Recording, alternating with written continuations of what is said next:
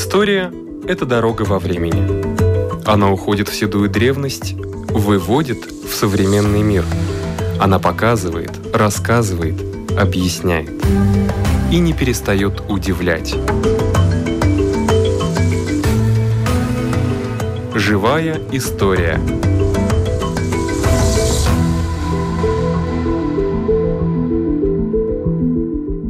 У микрофона Лидия Чера.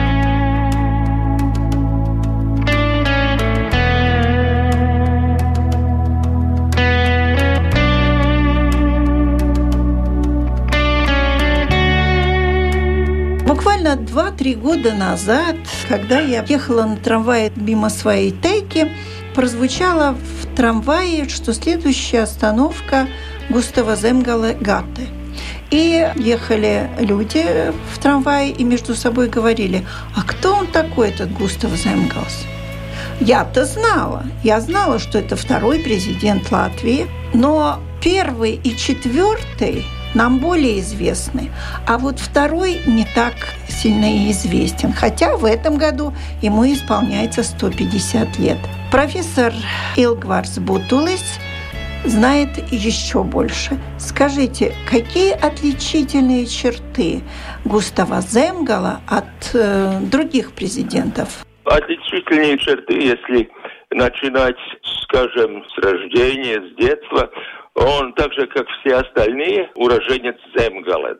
Но отличительная черта, что среднее образование он получает в Риге, все остальные в Ялгаве. И в Риге он получает среднее образование как раз в русской гимназии Александра и в гимназии Николая. Потом следует, ну как это, он не единственный, конечно, это студии юриспруденции в Москве, который он заканчивает как раз в самом конце XIX века. Еще отличительная черта может быть, что это президент такой, может быть, не очень харизматичный, но абсолютно уверенный в демократию, еще при том, что он президент, он и адвокат, очень хороший адвокат, юрист, он такого типа левого буржуа, он человек очень состоятельный, он председатель судно-сберегательного банка ремесленников Риги. Это еще в царское время. И это очень такое серьезное заведение, богатое заведение. Он меценат, он спонсор, он и редактор, он и издатель нескольких очень серьезных таких печатных изданий.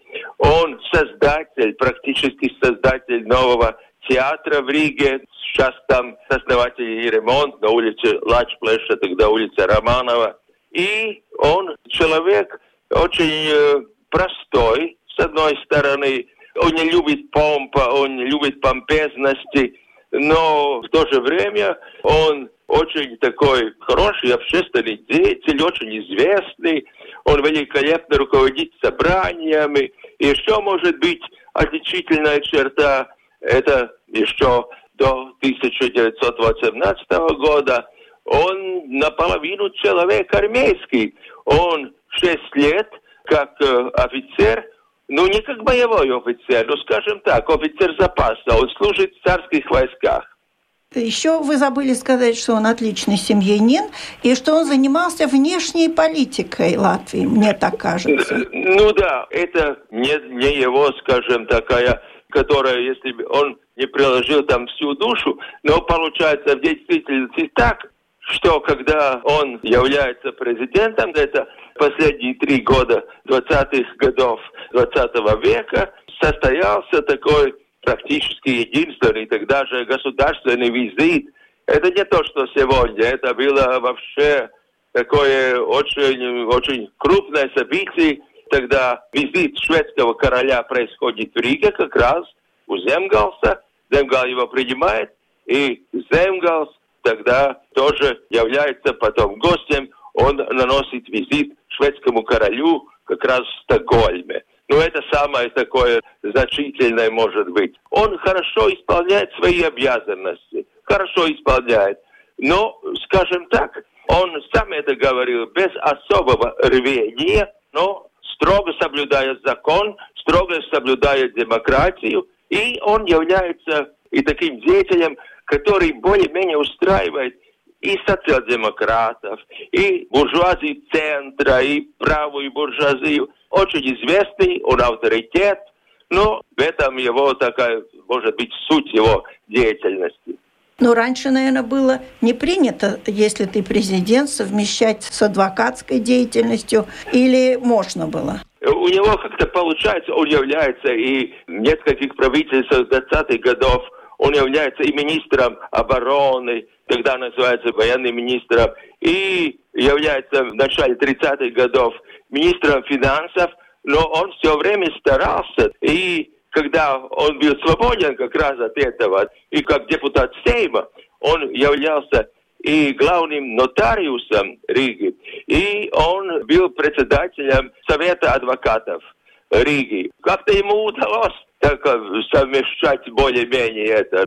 Потому что, ну, ведь президентом он был только три года. Ну, когда он был президентом, тогда он практически ничего другого не делал. Он не претендовал на второй срок? Нет, да что вы. Он ждал, когда он освободится от президентской должности, то потом перекрестился, говорил, наконец, ой, слава Богу, и поехал отдыхать на французский лазурный берег в Средиземноморской вместе с семьей. Жизнь у него была долгая? По нынешним меркам не очень, но по тогдашним меркам довольно ну, прилично. Ему было 68-69 лет примерно, когда он умер, родился в 1871, умер в 1939 году. Скажем, тоже вовремя умер, 39-й. Ну да, если смотреть уже тогда с сегодняшней точки зрения, что мы знаем, да, и об этих событиях потом, конечно, да. И еще я начала говорить о том, что он был очень хорошим семьянином. Да, это верно. У него семья была всегда на первом практически месте. У него одна дочь и один сын. Дочь Анна по женитьбе Ута, и его сын Паул Земгалс был тоже уже в 20-30-е годы нотариусом, в Риге был адвокатом известным, умер, по-моему, в эмиграции Швеции, он эмигрировал в Швецию в конце войны и умер в 1977 году. А есть, остались потомки Земгала еще? Э, потомки есть. Мне удалось лично видеть этих потомков. Ну, не всех, конечно, их много. Но теперь это уже такая степень, это правнуки, это уже приличное время прошло с того времени. Они живут, по-моему, и в Швеции, и живут э, в Соединенных Штатах. Правнук только прошлый четверг у президента была конференция, связанная с 150-летием Земгалса. И он выступил, он прилично еще по-латышски говорит, этот правнук. И они как-то около этой фигуры Земгалса, они как-то держатся вместе, которые есть. Ну, тоже такие кажется, ну я не исследовал их, но очень хорошие такие приличные люди. А жена кто у него была? Он женился довольно поздно. Он женился, ему уже было почти 40 лет, по-моему. И он познакомился с женой на одном торжественном мероприятии студенческой корпорации, кажется, где он был членом этой корпорации. И жена из Ялгави, она, но они прожили очень хорошо. Но он пережил жену, по-моему, на лет 10. Уже в конце 20-х годов жена тяжело болела, и жена умерла в конце 20-х годов. Любит наша страна выбирать президенты юристов все-таки. Да, но он был действительно таким очень практичным юристом, но он и умел этим юридическим делом и зарабатывать очень хорошо, но и как-то эти все знания юриста, одна черта его деятельности, правда, до 18 года, в разных обществах, общество образований, общество сцены и повсюду. Он был очень щедрым, он спонсорировал, и он чувствовал себя в общественной работе, как рыба в воде. И конечно, нельзя забыть еще один момент, что практически Земгас одна из самых главных, если не самая главная фигура в 1918 году при провозглашении Латвии. Потому что тогда Народный совет, который выбирался, и Народный совет прокламировал Латвию. Ведь председатель Чаксте не было тогда в Риге. И на место Чаксте, как первый заместитель, был Земгалс.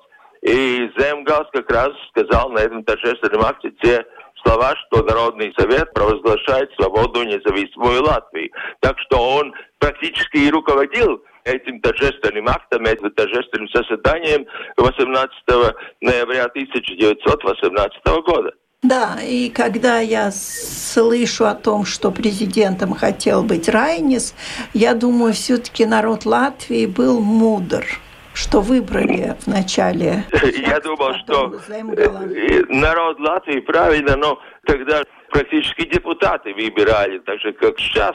Депутаты действительно, они тогда состав Сейма 20-х годов, там разные политические взгляды, но это, наверное, то слово, ко всем депутатам можно это относить. Действительно, это были люди более-менее мудрые. И те же самые, скажем, левые и социал-демократы, ну, они понимали, что несмотря на все достоинства и заслуги. все заслуги Райниса и, и все, все народную известность, одно дело поэзия, другое дело это политика. Это очень разные дела. Я согласна с э, депутатами того Сайма. Я тоже согласен. Еще хотела про Виллайна узнать. Что это такое там за история с этим пледом? Да, да, это Вилланен. И он всегда еще и в 30-е годы уже на старость лет, он очень любил просто сидеть на плечи, держать это Вилланен. И теперь очень много этой литературы, и, можно сказать, что очень противоречиво этой литературе. Это очень разные факты. Но это Вилланен ему там положили гроб, по-моему. Любимая вещь. Да, его любимая вещь. А он похоронен на лесном кладбище? На лесном кладбище, да. Знаете, портрет – это одно. Смотришь в этот портрет, и ничего не ясно. А когда вот вы рассказали, и сразу понятно. И человек, и президент стал как-то ближе, понятнее. Очень хороший был президент, скажем так. Да, и, между прочим, и человек очень хороший, очень простой. И интересно, что у него это уже создалось в начале века. У него было очень много друзей – и его очень респектировали, ну, которые разные национальности, там лидеры там и прибалтийских немцев, и русских в Риге, и евреев. Он повсюду был своим человеком, а ну, Земгалс, это ясно уже. Так что он был настроен на согласие. Повезло, что сказать. Ну, если говорить о том, что разные мнения, просто теперь как раз в последнее время меняется доступ к историческим источникам теперь уже совсем другой, и тоже исследовательские методы. Ну и были такие мнения раньше, что говорили, что как раз он воевал. Он был человек с ружьем, он воевал на русско-японской войне, он воевал на Первой мировой войне, он был подчинился мобилизации как офицер запаса, но он не воевал, он когда была русско-японская война в 1904-1905 годах, тогда он был в Риге. Он э, в Риге просто как офицер запаса служил, вот и все. И в Первой мировой войне он служил в гарнизонах, таких, скажем, гарнизонах тыла, в Эстонии, Финляндии, в Кронштадте тогда тоже он был. Он был, между прочим, награжден двумя орденами. Хотя он не любил страшно орденов, был награжден уже в царское время двумя орденами Станислава, второй и третьей степени. Но это был такой не очень высокий орден, но все-таки.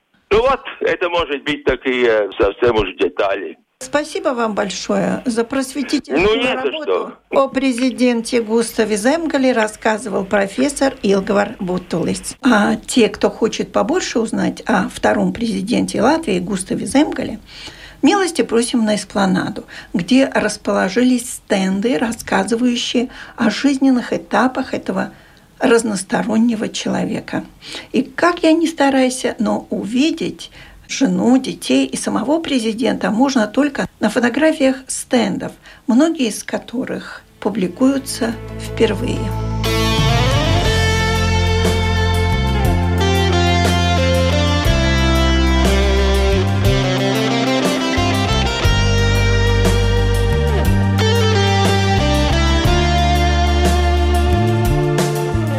Тогда и сейчас.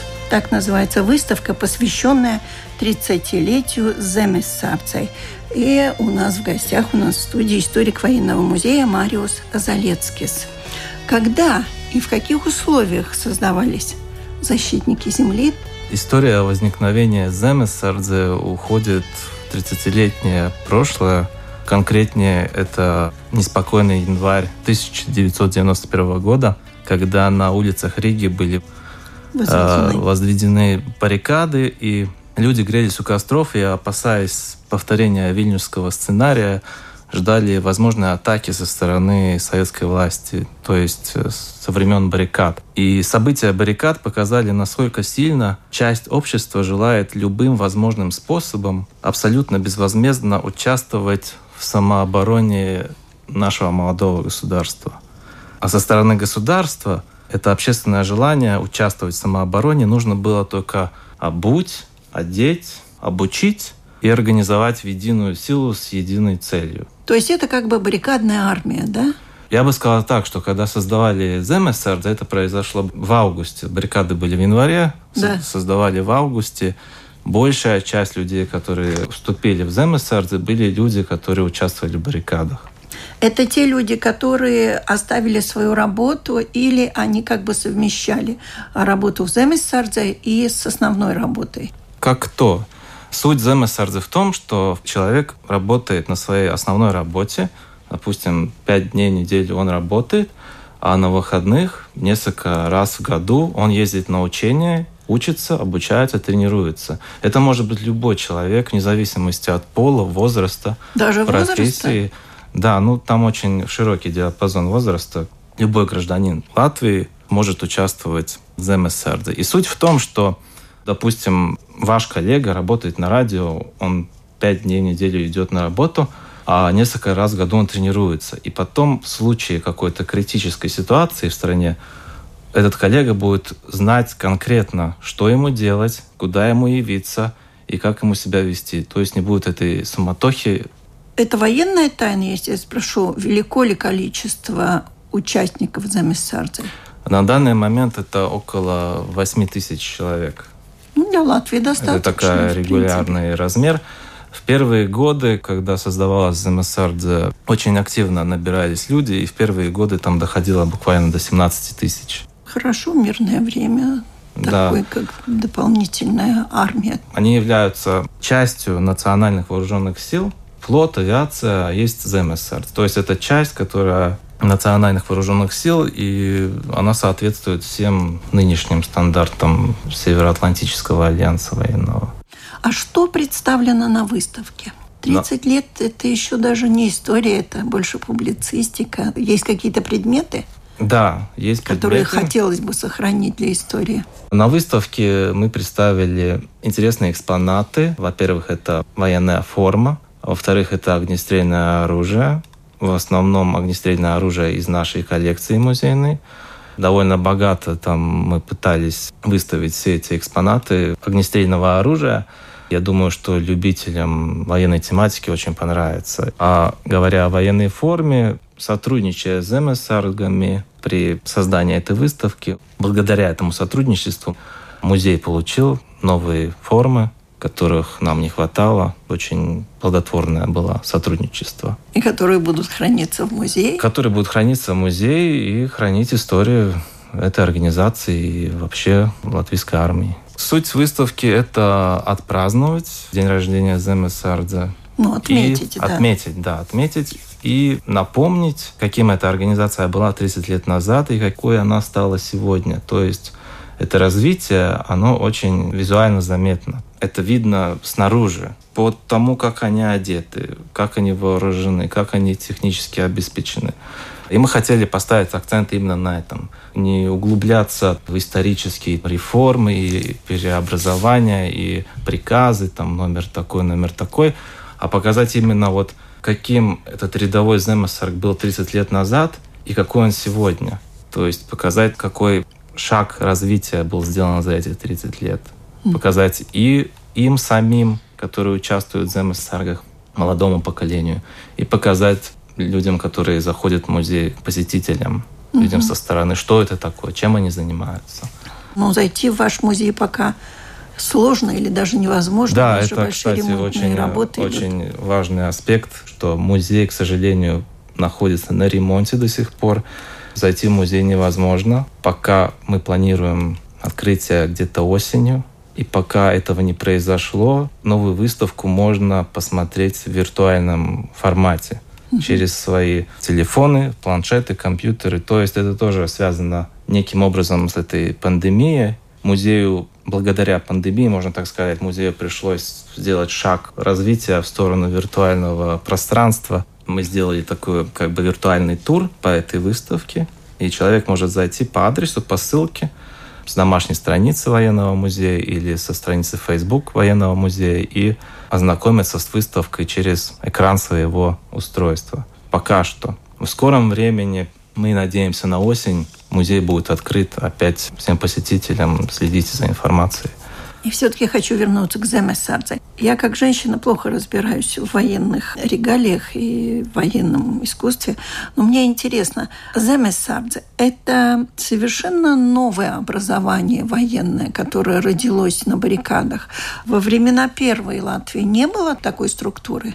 Была похожая структура айсерги, но все же есть различия между айсергами и земесергами, поскольку в последние годы существования айсергов там присутствовала идеологическая прослойка, а в земесергах это более такое нейтральная военизированная организация, которая просто часть армии нашей.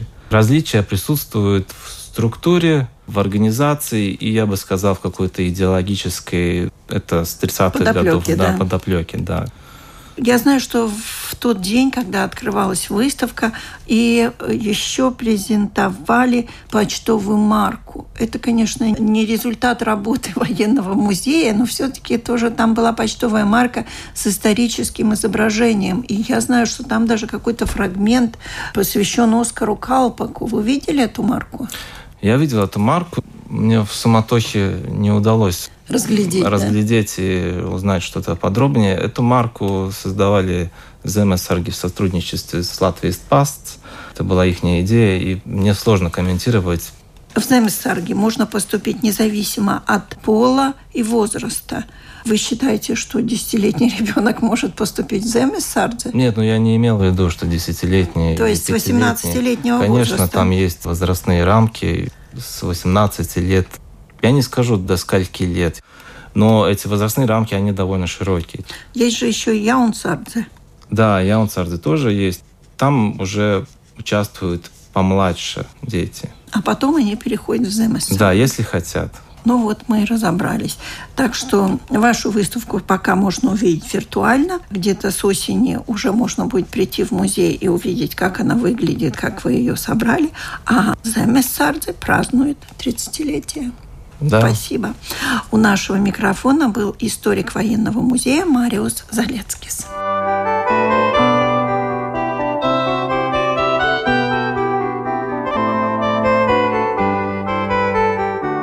Стол реликвий истории Латвии. У микрофона Ирина Зейбарте. Больше половины реликвий мы о них рассказали.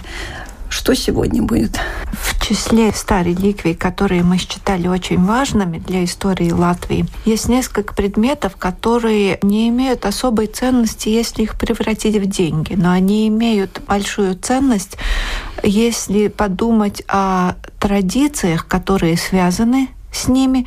И, наверное, надо сказать, столетиями, тысячелетиями, которые были эти предметы использованы. И использованы не в праздники, не в каких-то особых случаях, а в повседневной работе, в повседневном труде.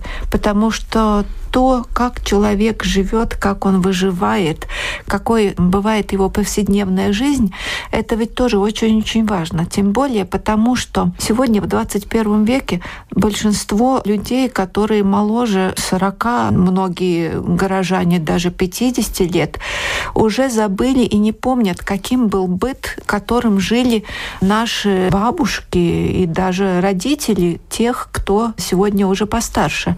То есть каким был был день деревни, как заполнял свой день крестьянин. И как менялись сезонные работы в зависимости от того, что у нас там на дворе была осень или зима или лето. Но летом более-менее мы представляем себе, это работы, связанные с полем, с огородом, заготовкой корма, например, запасов на зиму. Что человек делал зимой? А зимой человек запасался другими вещами и другими продуктами, которыми можно было заниматься зимой, потому что зимой холодно, зимой все под снегом, значит, полевых работ нет. И вот если бы мы представили себе, чем занимался человек по вечерам зимой например, сто лет назад, ну и также 200 и 300 знаю, лет знаю, назад. Знаю. Женщины, да. наверное, пряли. Женщины пряли. И вышивали. И, и вышивали, и ткали. И вот эти очень важные занятия, это, наверное, надо сказать для тех, кто, может, не имеет такого опыта, они создавали основу жизни для повседневной жизни, когда нельзя было просто забежать в магазин, что-то заказать в интернет-магазине, когда все, что нужно было человеку в повседневной жизни, он должен был сам изготовить. И именно поэтому несколько таких орудий труда, если можно так их назвать, э, стали символом жизни человека, потому что они обеспечивали человека очень нужными повседневной жизни вещами. И я так долго такое огромное видение рассказываю потому, что если если я скажу вот в числе 100 реликвий истории Латвии обыкновенные пряслицы, то будет вопрос, почему, что там такого особенного? Ведь женщины пряли в каждом доме, веретено было в каждом доме, Ткали в каждом доме, и пряслица была у каждой женщины, у которой была прялка и веретено. Что тут особого? А что такое пряслица? Я даже а не знаю. Пряслица – это такой особый предмет, который, во-первых, имеет практический смысл, потому что вот сидит бабушка или молодая женщина и ногой нажимая на педали, да. крутит такое колесико. Будем говорить так, как будто никто да. этого не знает, например, молодые люди. И наматывается на это э, колесо уже пряжа. Да. Откуда берется эта пряжа или нитка? Пряжа, если это шерсть, нитка, если это лен. Откуда она? Над прялкой кутель, будем говорить о льне, может быть, сегодня, или о шерсти, чтобы вышла шерстяная пряжа. И вот это такой комок просто шерсти или кудель льна, и происходит чудо. Каким-то образом из этой аморфной массы выходит или нить, или пряжа. И на веретене находится вот этот кусок чего-то, да. клок. Наверное, да. надо сказать правильнее клок. И когда женщина может потихоньку-потихоньку руками, но я даже не знаю, как этот процесс назвать. Создавать, Создавать эту, нитку, эту да. нить, и она наматывается, и потом уже в клубок и уже в готовое изделие. А что такое пряслица? Вот стараюсь теперь ответить, потому что мы уже не однажды говорили, что человек заботится о своем рабочем месте. Если он проводит там много времени, он старается, чтобы это рабочее место было не только светлым, не только удобным, но и красивым по возможности. И пряслица это такая деревянная дощечка, которая укрепляется над прялкой. В зависимости от того, или на юге, или на востоке, или на западе Латвии, этот предмет э, имеет разную форму. Он может быть четырехугольным, или, например, как в Курзаме, то есть в западной части Латвии, он может быть трехугольным. И этот предмет, он имеет не только практическое значение, но как-то повелось истори, что он и украшается. И самое интересное то, что украшают его и вообще-то готовят пряслица не женщины, не девушки, а готовят мужчины и молодые мужчины. И в длинные зимние вечера, когда, представьте себе, в довольно темной комнате сидят и мужчины, и женщины, и молодые, и старые, по несколько поколений, каждый занимается своим делом. Это такие, как в литературе описываются посиделки. И во время этих посиделок, ну, там уже целые драмы разыгрываются совместных отношений.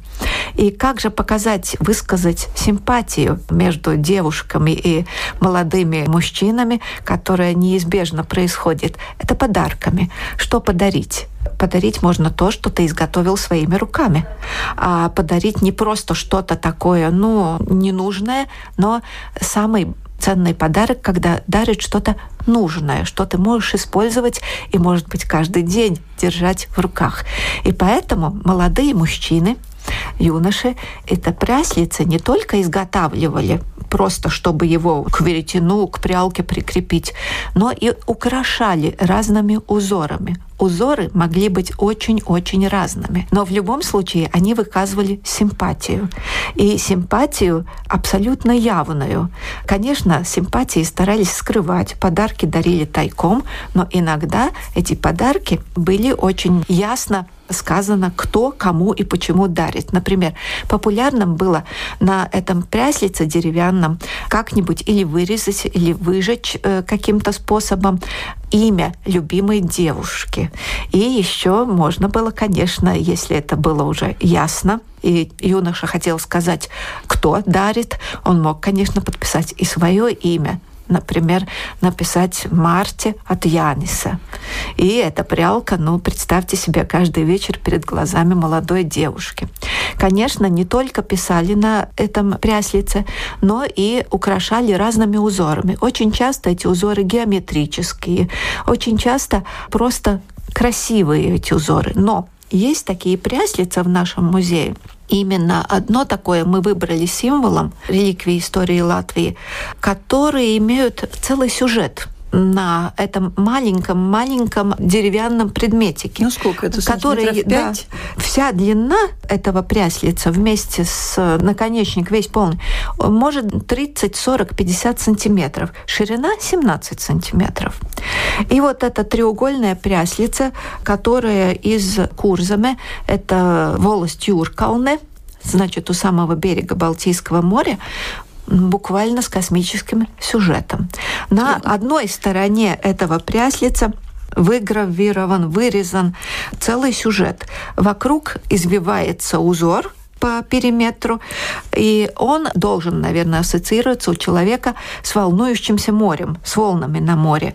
И это еще не все, потому что по морю, этому стилизованному, плывут рыбы, не только рыбы, но и трехмачтовый парусник – и над парусником небо, усеянное звездами, и над звездами еще имеется на четыре части раздельная луна.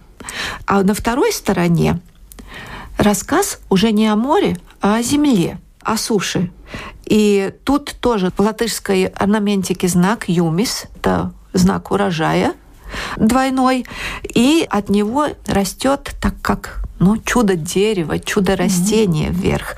Над ним буквы, которые, к сожалению, мы не расшифровали, но это, наверное, знал Инициалы, тот, кто дарит наверное, да. и кому дарят, и цифра 1891 значит, определенно известен год. По обе стороны два, такие различные знаки, которые, ну, может, пофантазируем, рассказывают нам о двух разных людях. Может быть, о тех двух разных судьбах, которые даритель уже мечтал как-то соединить в одно. Так что это, наверное, такая одна из самых интересных историй любви, которая показано на инструменте, на орудии труда, на деревянной дощечке, и тем более не только просто как-то, ну, извините за выражение, любовь обыкновенная. Тут даже целый космос отношений. И поэтому очень интересно еще и то, что на самом верху вот этой второй стороны в придачу еще церковь и от церкви расходятся вверх еще лучи в небо, во Вселенную, которые расходятся во все стороны. Вот такой абсолютно обыденный предмет, абсолютно практичная вещь, деревяшка, если можно сказать, но со своей тайной, которая, наверное, не разгадается никогда. И я думаю, мораль всего этого в том, что и самую нудную, самую тяжелую работу можно делать красиво и вкладывать в нее чувства и отношения. И поэтому эта деревяшка попала в список 100 реликвий истории Латвии. У микрофона была Ирина Зейбарта. На этом наша передача заканчивается. Всего вам доброго.